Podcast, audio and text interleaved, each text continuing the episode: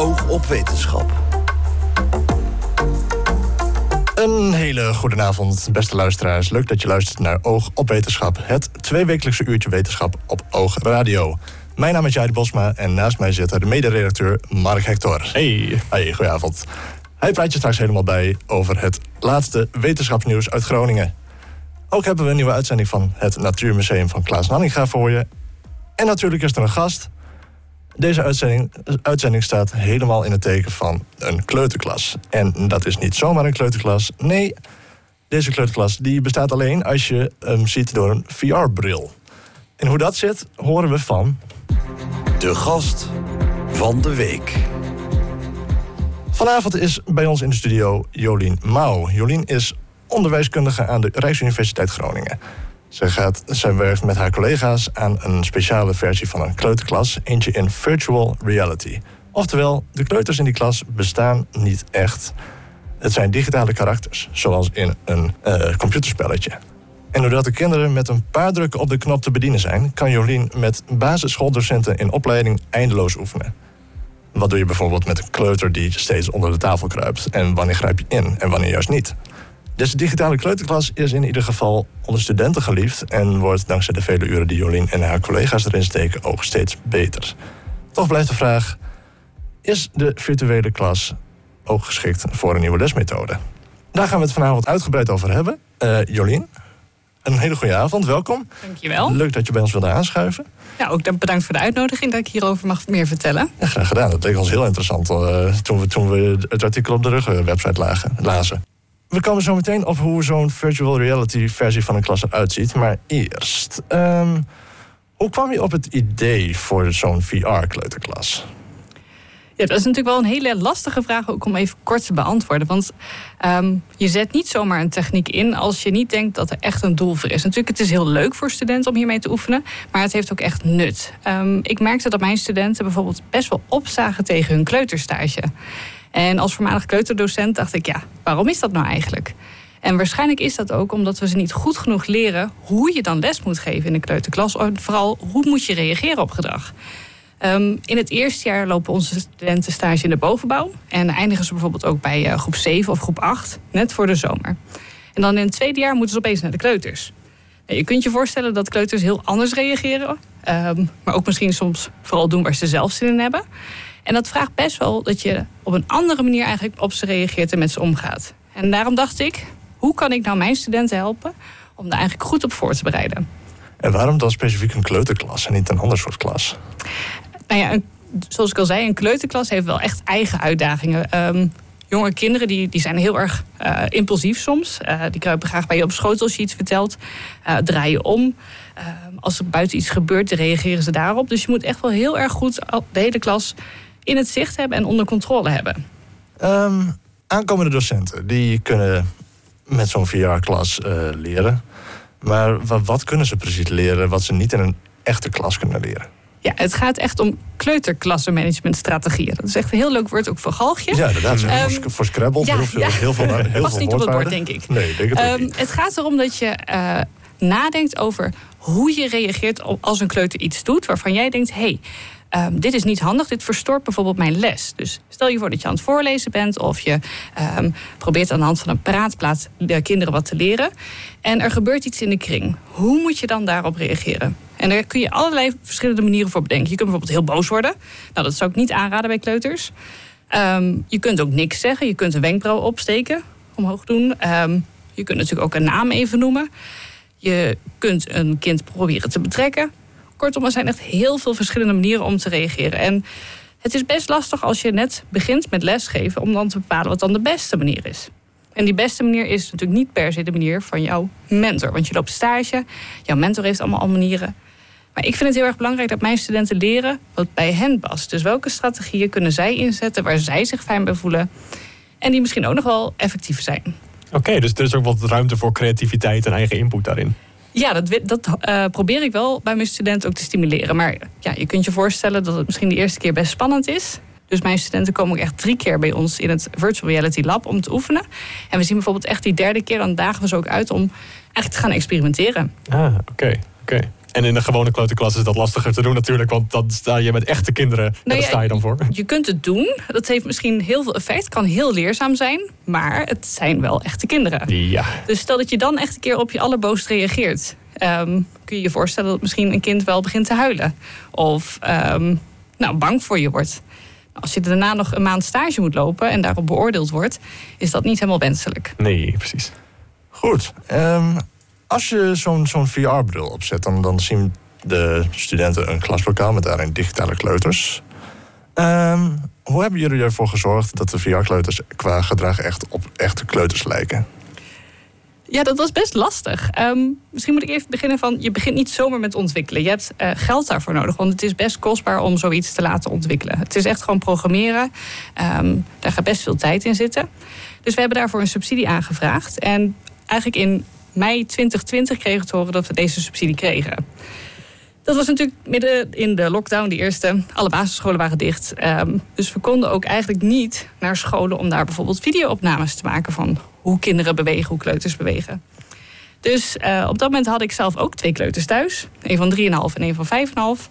En die heb ik eigenlijk gefilmd. Ehm, die heb ik veel, eh, geluidsfragmenten laten inspreken. Ehm, daar heb ik van beschreven hoe zij bewegen, wat ze doen. En dat heb ik eigenlijk aan mijn ontwikkelaars doorgegeven.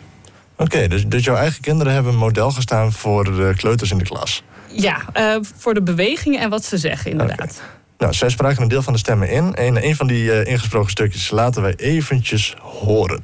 Is het maandag, dinsdag, woensdag, donderdag, vrijdag, zaterdag, zondag? Zeven dagen heeft de week.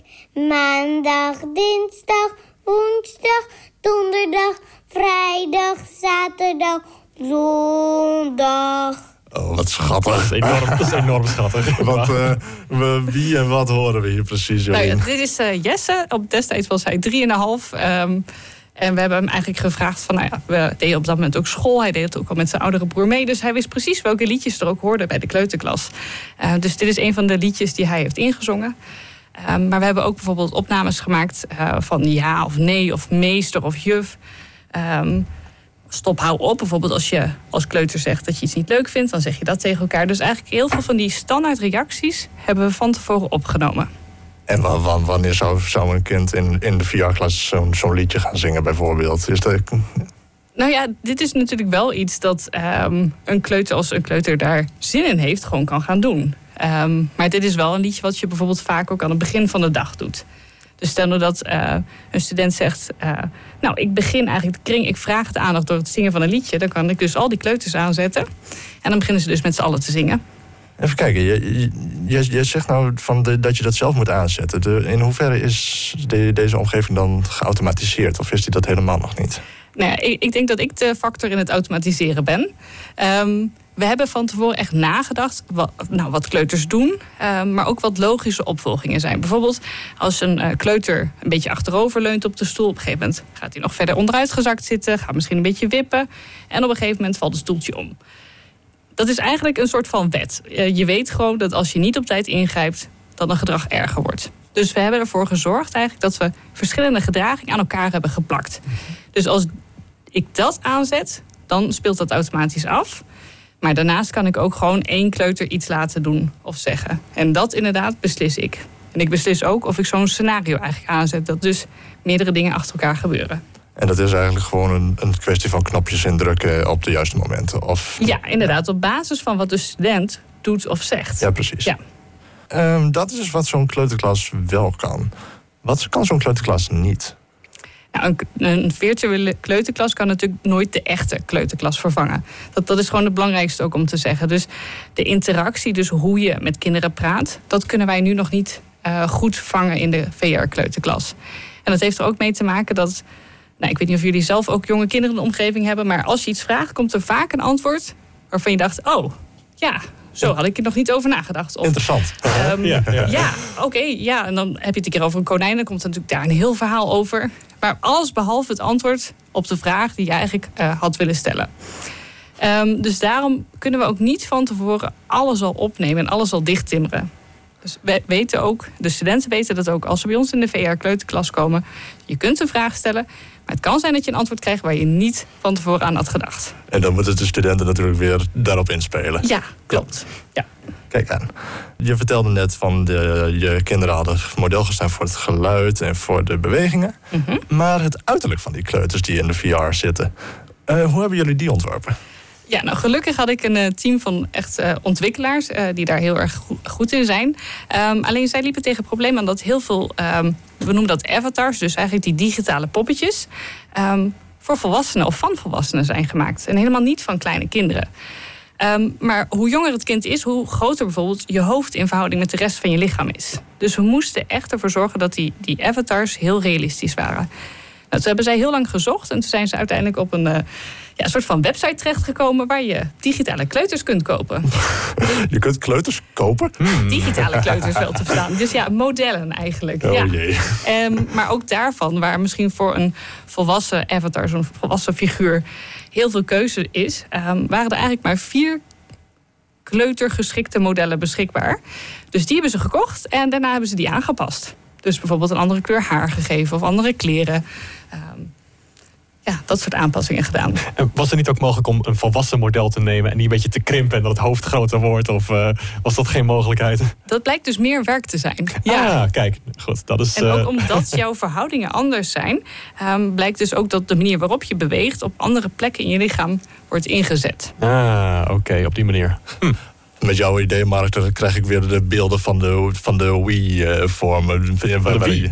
Of van, Ja. van die Mii-poppetjes en Wii-sports en zo, die Ja, op precies, bijzondere die- manieren bewegen. Ja, Ja, en ja, met, die onmogelijke lichaamsverhoudingen. Oh god, ja, ja. Nee, dat moet maar. dat Voor een virtuele reality klas, dan lijkt het me handig als het ook echt daadwerkelijk op kleuters lijkt. Ja, dat is wel de bedoeling. Ja, Natuurlijk, je wil ze niet levensecht hebben, want dat kan ook best wel heftig zijn. Dan zit je daar in een kring met Oh, ja. eh, twintig echt levensechte. Dus je hebt altijd wel het gevoel dat het ehm, nou ja, een computersimulatie is in die zin. Het ziet er, maar het ziet er niet uit alsof het een game is. Je hebt nog steeds het gevoel, als je daar bent, dat je in een kleuterklas bent. Ja, ja, het moet genoeg illusie hebben, maar Ja. het moet ook niet zo zijn van... oh, ik ben echt in de kleuterklas, dat je alle, alle realiteit een beetje verliest. Ja, want als je dan bijvoorbeeld dus een eh, keer boos wordt, dan kan dat natuurlijk ook nog jou het gevoel geven van, oh jee, heb ik eh, dat het zijn virtuele kind misschien ehm, ja, het huilen gemaakt. Ja, het moet een veilige omgeving Het moet een blijven veilige omgeving zijn. Ja. Ja.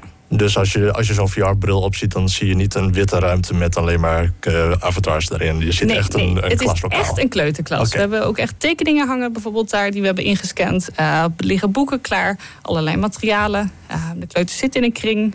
En we hebben bijvoorbeeld zelfs een klok die helemaal meeloopt met de echte tijd. Dus ja, we proberen het wel zo echt mogelijk te maken. Kijk aan. En dan kan ik me voorstellen dat er echt een, een niet normale hoeveelheid tijd in heeft eh, gezeten. Hoeveel tijd zit er in het ontwikkelen van zo'n omgeving?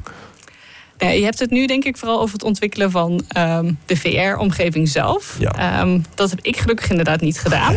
Ehm, daar is de, ja, ik vind het lastig om een schatting te maken, maar daar is denk ik iets van 300 uur in de eerste keer in gaan zitten. Ehm, maar daarvoor heb ik dus allemaal dingen verzameld. Ik heb mijn studenten bevraagd van nou, wat voor gedragingen wil je nou mee oefenen? Ehm, ik heb ze laten observeren. Ik heb dat allemaal ja, een hele groot Excel-bestand met 800 gedragingen geordend. Eh, daarvan bekeken, oké, ehm, wat moeten we nu gaan doen? Hoe gaan we dat doen? Wat kan wel in VR, wat kan niet? En zo zijn we ondertussen al drie jaar bezig. Nogal wat tijd, ja, jeetje. Ja, maar het is het ook echt waard. En we maken iedere keer weer een nieuwe verbeterslag. Dus het eerste jaar hebben we eigenlijk de omgeving ontwikkeld. Wel al een beetje nagedacht over de didactiek. Dus wat moet je dan doen als docent? Ehm, hoe ga je elkaar laten, eh, hoe ga je reflecteren bijvoorbeeld? En dat hebben we ook steeds ieder jaar weer verder verbeterd. Voordat we verder praten met onderwijskundige Jolien Mouw, is het eerst tijd voor Wetenschapsnieuws. het opvallende wetenschapsnieuws. Redacteur Mark heeft voor ons weer bijzonder nieuws uit de Groningse wetenschap verzameld. Mark, de floor is yours.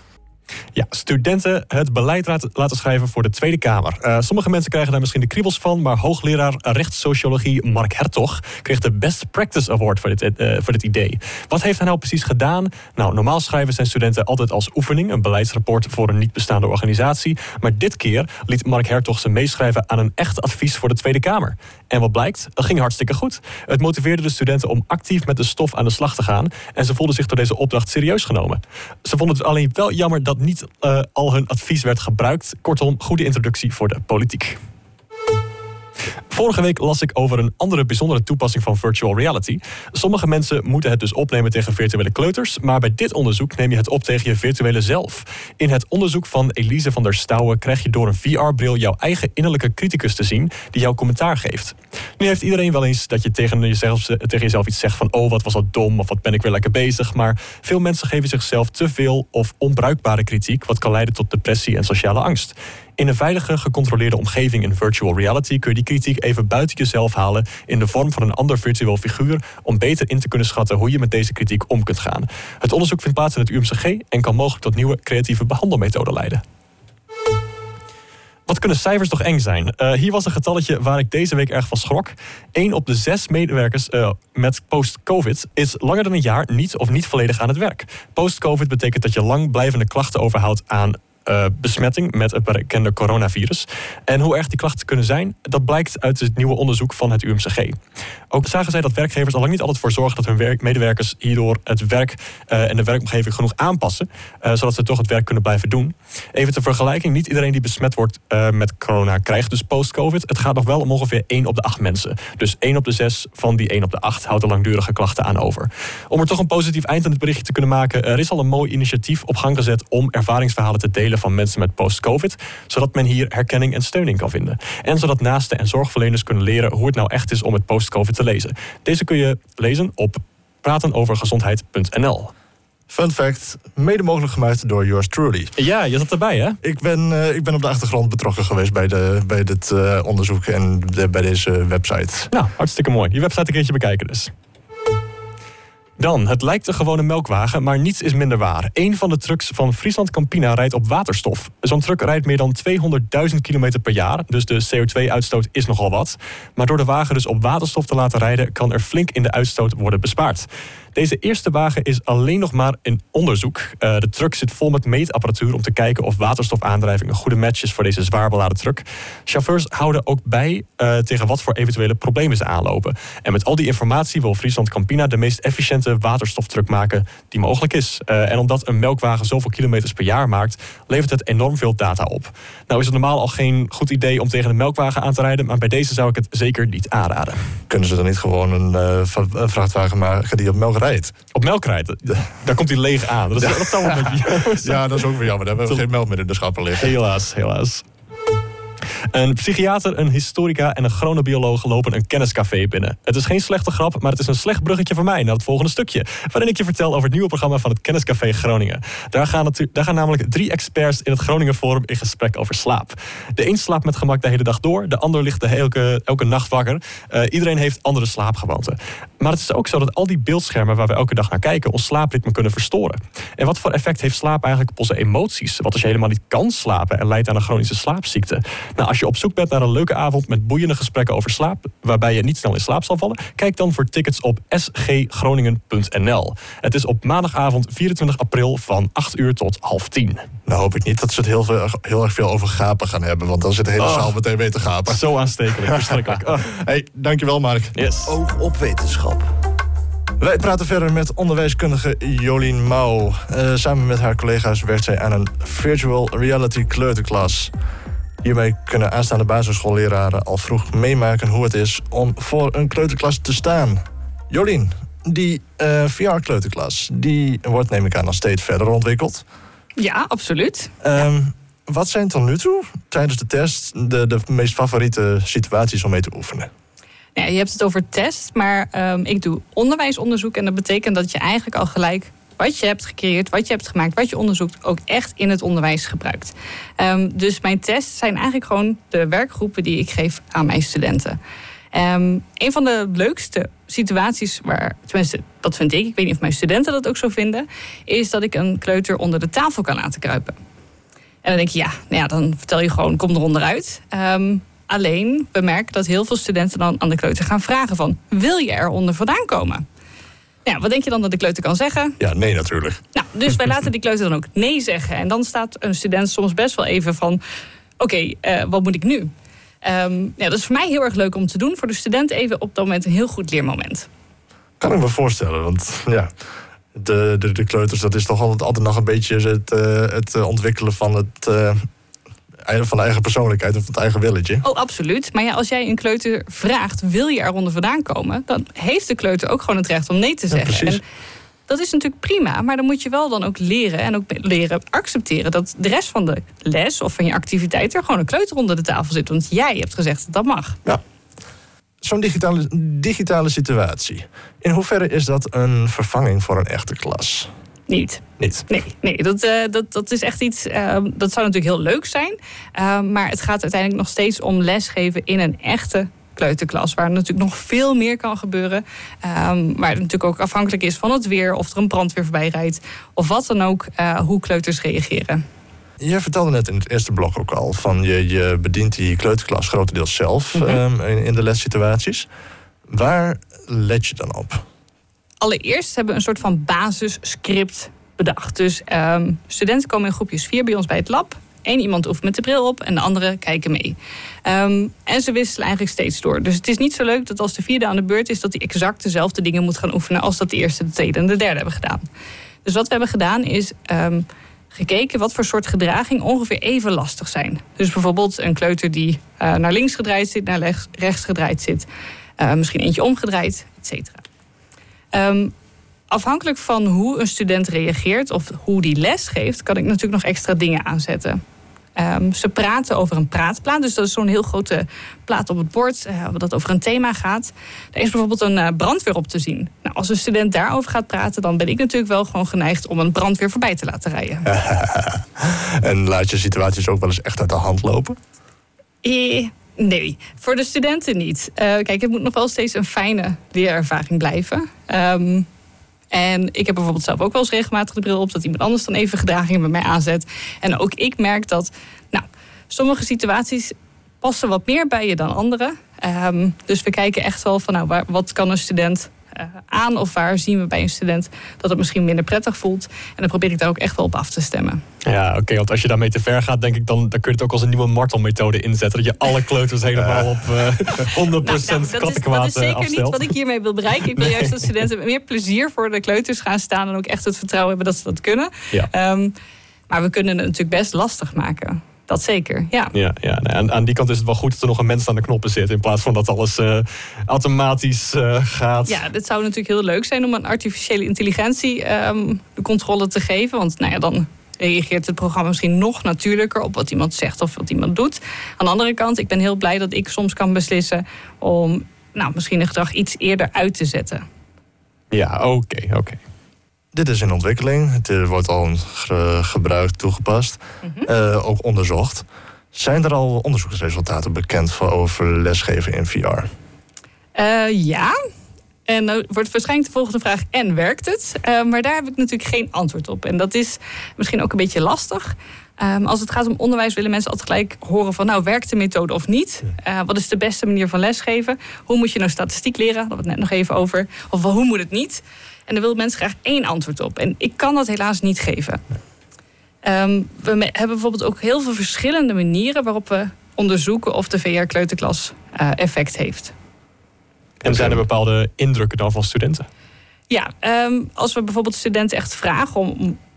uh, uit te schrijven wat ze van de VR-kleuterklas vinden en hoe hun dat kan helpen, um, geven studenten wel echt aan dat ze meer, bijvoorbeeld met meer zelfvertrouwen ook echt bij de kleuters staan. Dus parallel aan dat ze bij ons oefenen in het VR-lab, gaan ze ook echt naar een echte kleuterklas. Um, en daar lopen ze een half jaar lang stage. En de studenten geven echt aan dat door het oefenen dat ze veel bewuster zijn van wat ze wel of wat ze niet um, moeten doen. Of dat ze met uh, meer vertrouwen eigenlijk daar staan. En als, als studenten zich in bepaalde lessituaties nou echt minder geoefend of zeker voelen na het gebruik van zo'n VR, mm -hmm. Um, kun je dan wel zeggen dat oefenen met lesgeven in VR meerwaarde heeft? Ja, um, we hebben inderdaad bijvoorbeeld ook, uh, nemen we vragenlijsten af, helemaal aan het begin, voordat ze dus bij ons komen in de VR-kleuterklas, helemaal aan het eind van de stage.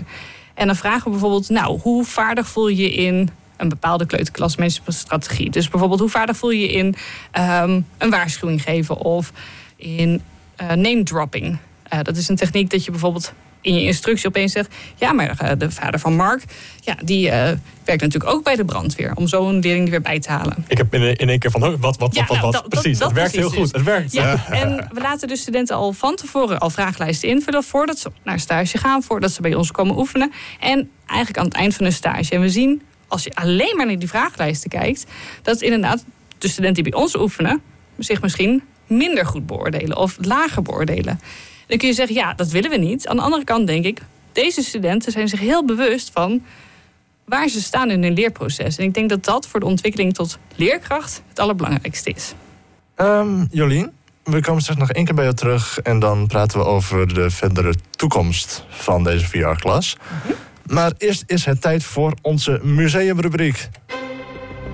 Welkom in het Natuurmuseum van Klaas Nanninga.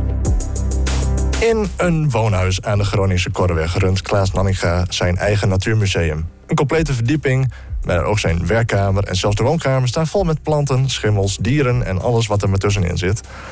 Elke aflevering van Oog heeft ruimte voor een bijzonder voorwerp uit de collectie van Klaas. In de vorige aflevering vertelde Klaas over bloedkoraal. Een sieraad uit de natuur waarvan men lange tijd niet wist of het nou een plant of een dier is. Deze keer gaan we het hebben over een andere natuurlijke schoonheid: de tranen van de goden. Oftewel barnsteen. Als kind hoopte ik altijd al barnsteen te vinden. Op het strand van Schimmerekoog. Of later bij mijn zomervakanties in Denemarken. Mijn zoektocht duurde ruim 40 jaar. En toen pas vond ik barnsteen. Niet één stukje, maar honderden stukken. En op een plaats waar ik het nooit verwacht had. Notabene in de Eemshaven in Groningen. Vlak bij de uitlaatpijp van de centrale. Toen daar de vaargeul verdiept werd, kwam het allemaal los uit de ondergrond en werd uiteindelijk daar geloosd. Bandsteen. Volgens de Germanen waren het de tranen van de godin Freya toen ze huilde om Odin, die haar verlaten had. De tranen van de goden werd Bandsteen dan ook wel genoemd. De Grieken, gek genoeg, wisten beter wat het was en zij noemden het sapstenen. En ze zaten aardig in de buurt. Want barnsteen, dat is eigenlijk de versteende hars van dennenbomen... die ooit massaal langs de kusten van de Oostzee groeiden. Grafvondsten van kralenkettingen van 11.000 jaar oud laten zien... dat barnsteen altijd al gewaardeerd werd als sieraad. Keizer Nero stuurde zelfs iemand op pad om te achterhalen... waar al dat prachtige barnsteen zelfs vandaan kwam. En er ontstond een speciale barnsteenhandelsroute van Denemarken naar Zuid-Europa. Barnsteen is ook wetenschappelijk gezien heel bijzonder. Als je over barnsteen wrijft met een stukje stof, dan wordt het geladen, elektrisch geladen. De Grieken noemden barnsteen elektron. En daarom noemde men dat verschijnsel elektriciteit. Statische elektriciteit. Je kent dat wel als je over vloerbedekking loopt en je pakt de deurklink vast dat je een klein schokje krijgt, een vonkje zelfs ziet. Die statische elektriciteit, door het opwrijven van materiaal, geeft een lading, stroom. En nog steeds noemen wij elektriciteit naar het elektron van barnsteen. Als je barnsteen op internet zoekt, dan kun je in de war raken omdat de Engelsen het amber noemen. En amber, dat is wel de kleur, zoals die bij barnsteen eh, verbonden wordt. Maar als wij het over amber hebben, dan bedoelen wij juist heel ander materiaal uit de kop van een potvis. Zeer kostbaar materiaal wat gebruikt wordt voor de parfumindustrie. Barnsteen, je zou bijna het, als je je verslikt, brandsteen noemen. En daar komt dat woord ook vandaan. Barnsteen komt van het oude Saksische woord burnen of branden. En zo, dat kun je ook testen als je nu in een winkel barnsteen hebt gekocht of je hebt dat thuis. En je wilt weten, is die nu echte barnsteen of is het een ander namaakproduct? Dan maak je het even met een hete speld. Verhit je dat en als je dan hars ruikt, dan weet je dat het barnsteen is. Ruik je op dat moment plastic, dan weet je dat je voor de gek gehouden bent. Nog steeds worden er tonnen bandsteen in Oost-Europa gevonden. Rond het Oostzeegebied is het nog steeds een gewone delfstof die daar boven de grond gehaald wordt. Maar voor mij bleef het een zeldzame en bijzondere vondst. Voor de volgende keer blijven we een beetje in deze sieradensfeer, maar pas op. Het is niet alles goud wat er blinkt. Soms word je flink voor de gek gehouden. En daarom volgende keer over gekkengoud.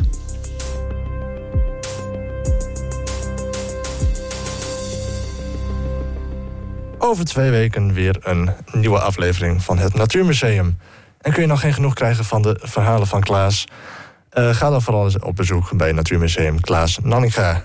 Het museum aan de Korreweg 70 is van maandag tot en met zaterdag op afspraak geopend, ook s'avonds. Het telefoonnummer van Klaas en meer informatie is te vinden op klaasnanninga.nl. Oog op wetenschap.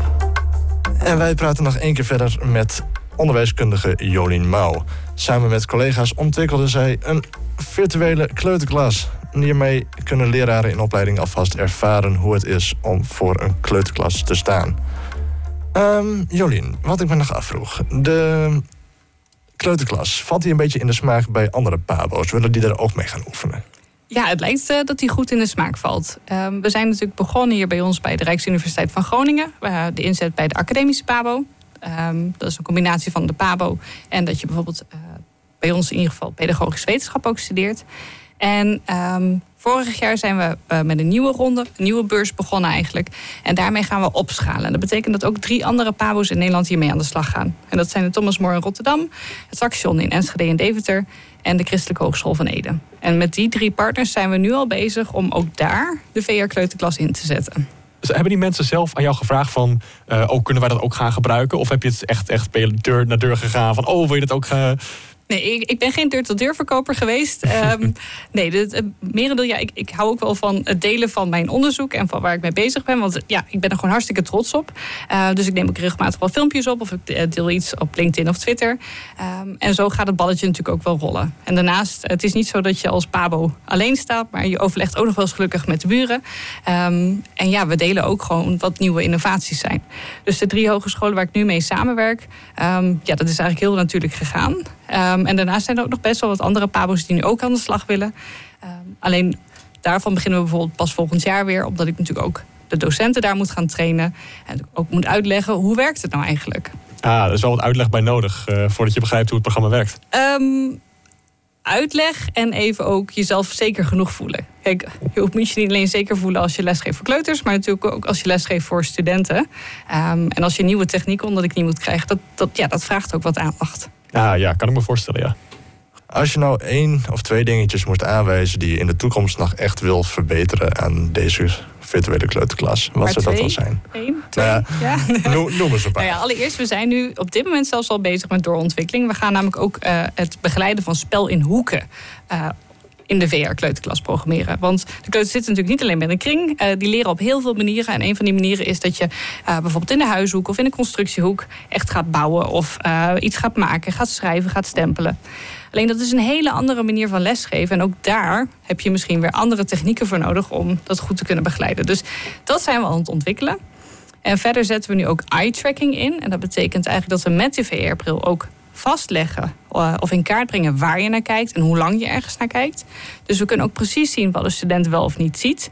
Um, en daar willen we heel graag bijvoorbeeld ook op basis daarvan feedback gaan ontwikkelen. Dus is het zo dat als je heel lang naar één leerling kijkt, of dat nou uh, goed is, of is het slimmer om bijvoorbeeld je aandacht te blijven verdelen?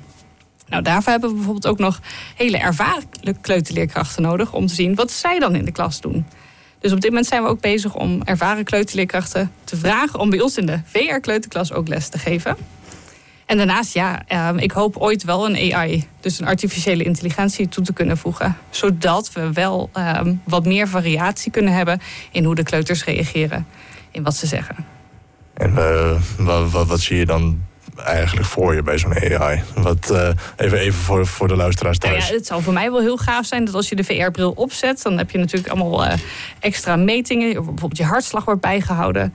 Ehm, en stel dat je dan opeens je hartslag omhoog gaat omdat je iets best spannend vindt, dat een AI op zo'n manier goed kan reageren van, oh, misschien moet ik het dus iets. ehm, Iets minder laten ontploffen, zoals jij net al zei. Van, dan kunnen we het helemaal eh, uit de hand laten lopen. Of dat je ehm, op basis van wat de student zegt ook een hele goede verbale reactie geeft. Dus dat de kleuter ook echt het goede antwoord geeft. Ja, dus echt om in te spelen op die student ja, ook. Ja, Ah, in die zin. Toen je, net, toen je zo net over hoeken had, Ja. eh, dacht ik meteen aan van, oh, dat je, dat je een kleuter wel eens in de hoek zet. Ik weet niet of dat tegenwoordig nog steeds gebeurt, maar dat is altijd Nou, zo- zo'n beeld dat ik je zet een kleuter niet in de hoek. Een kleuter kiest zelf om in, de, in een hoek te gaan spelen. Dus dat is Aha. misschien een ander soort hoek dan waar jij het over hebt. Ja, ja. Nee, je gebruikt eigenlijk nooit zo'n straf eh, bij een kleuter. Oké, gelukkig. Nee, ik weet nog vroeger dat dat echt ook wel eens voorkwam. Ik heb het wel eens volgens mij ook meegemaakt. Dat, eh, ach, dat voelde ik me altijd zo slecht van... oh, dat andere kind moest in de hoek gaan staan. Wat verschrikkelijk, helemaal afgezonderd. En, Oh, eh, ja, oh. ja, nou ja, ik, ik kan me voorstellen dat je als leerkracht een paar keer een waarschuwing hebt gegeven. Van, nou, je blijft mij verstoren. Als jij dus niet mee wilt doen, dat betekent dat je ook niet mee mag doen. Dus dat je even uit de kring gaat. Maar om nou echt te zeggen, ehm, je moet in de hoek staan. Eh, of op de gang staan. Of blijf maar binnen ehm, in de pauze. Dat zijn niet ehm, consequente manieren om op gedrag te reageren. Waarvan we weten ehm, dat het niet per se het kind leert. Oh, dit mag niet. Of dit is niet goed. Want ja, je krijgt de straf, maar je weet eigenlijk misschien helemaal niet waarom dat dan is. Ja, precies. Oké, nou, gelukkig. En komt er ook nog een punt waarop de VR de stage gaat vervangen, denk je? Nee, Nee. nee, nee. Ik hoop het in ieder geval niet. Dan stop ik ermee. Nee, ja, daar ben ik heel eerlijk in. Dat, dat, eh, dat moet ook niet mogen. Ehm, het is echt een extra speeltuin, een proeftuin ehm, voor mijn studenten om nou ja, misschien nieuwe manieren uit te proberen die ze op stage niet kunnen. En bijvoorbeeld als de mentor altijd begint te zingen. Dat ze ook voelen dat ze moeten zingen. En misschien is er wel een hele andere manier die veel beter bij je past. Dus voor mij is het echt bedoeld om mijn studenten net dat stukje extra oefenmogelijkheid te geven. Check. Echt gewoon voorbereiding voor het echte werk. Ja, maar ook het, het fine-tunen van het echte werk. Het want ze lopen ook tegelijkertijd stage. Ja. Check. En naast de VR-kleuterklas, Mhm. als we kijken naar het onderwijs in het algemeen, welke toekomstige ontwikkelingen verwacht jij nog? Toekomstige ontwikkeling is altijd natuurlijk wel lastig om nul in te schatten. Eh, maar wat Voorspel de toekomst Oh, eventjes de voor voorspelde ons. toekomst. Nou ja, straks zit iedereen met de VR-bril op. Nee, nee, dat, dat verwacht ik helemaal niet zelfs. Ehm, maar ik denk wel dat als je het over AI hebt... ehm, op dit moment is er natuurlijk heel veel aandacht voor ChatGPT. Dus zo'n programma waarbij je elke vraag die je maar kan bedenken, kan stellen. En dat er dan een antwoord gegenereerd gaat worden. Ehm, en ik denk wel dat, net zoals de overgang van de typemachine naar Word... of van de mobiele telefoon... ehm, of richting de mobiele telefoon, dat dat iets is waar we in het onderwijs over na moeten gaan denken van hoe kunnen we dat gaan gebruiken in plaats van zeggen nee, we moeten het verbieden.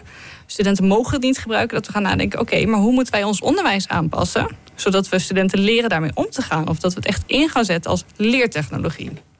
En je denkt niet dat, net zoals eh, wat ze eerst dachten met de smartphones, wat ze nog steeds wel denken met de smartphones, dat het heel erg veel afleiding gaat bieden. Ehm, ja, dat weet ik niet of dat tijdens de les zo zal zijn. Ehm, ik kan me voorstellen dat als jij een scriptie moet schrijven en je zit even vast, dat het dan een mooi moment is om zoiets te gaan gebruiken. Ehm, maar dat kun je niet voor zijn. Je kunt het ook niet tegenhouden. Dus dan denk ik, dan moeten we het gaan omarmen en nadenken hoe we dat goed kunnen gaan gebruiken. Absoluut. Goed, dan is er nog tijd voor onze vaste prik. Want onze vorige gast heeft een eh, vraag voor jou mogen bedenken. Vorige week, vorige twee, twee weken geleden alweer, hadden wij onderzoeker klimaatadaptatie Allard Roest van de Hans Hogeschool.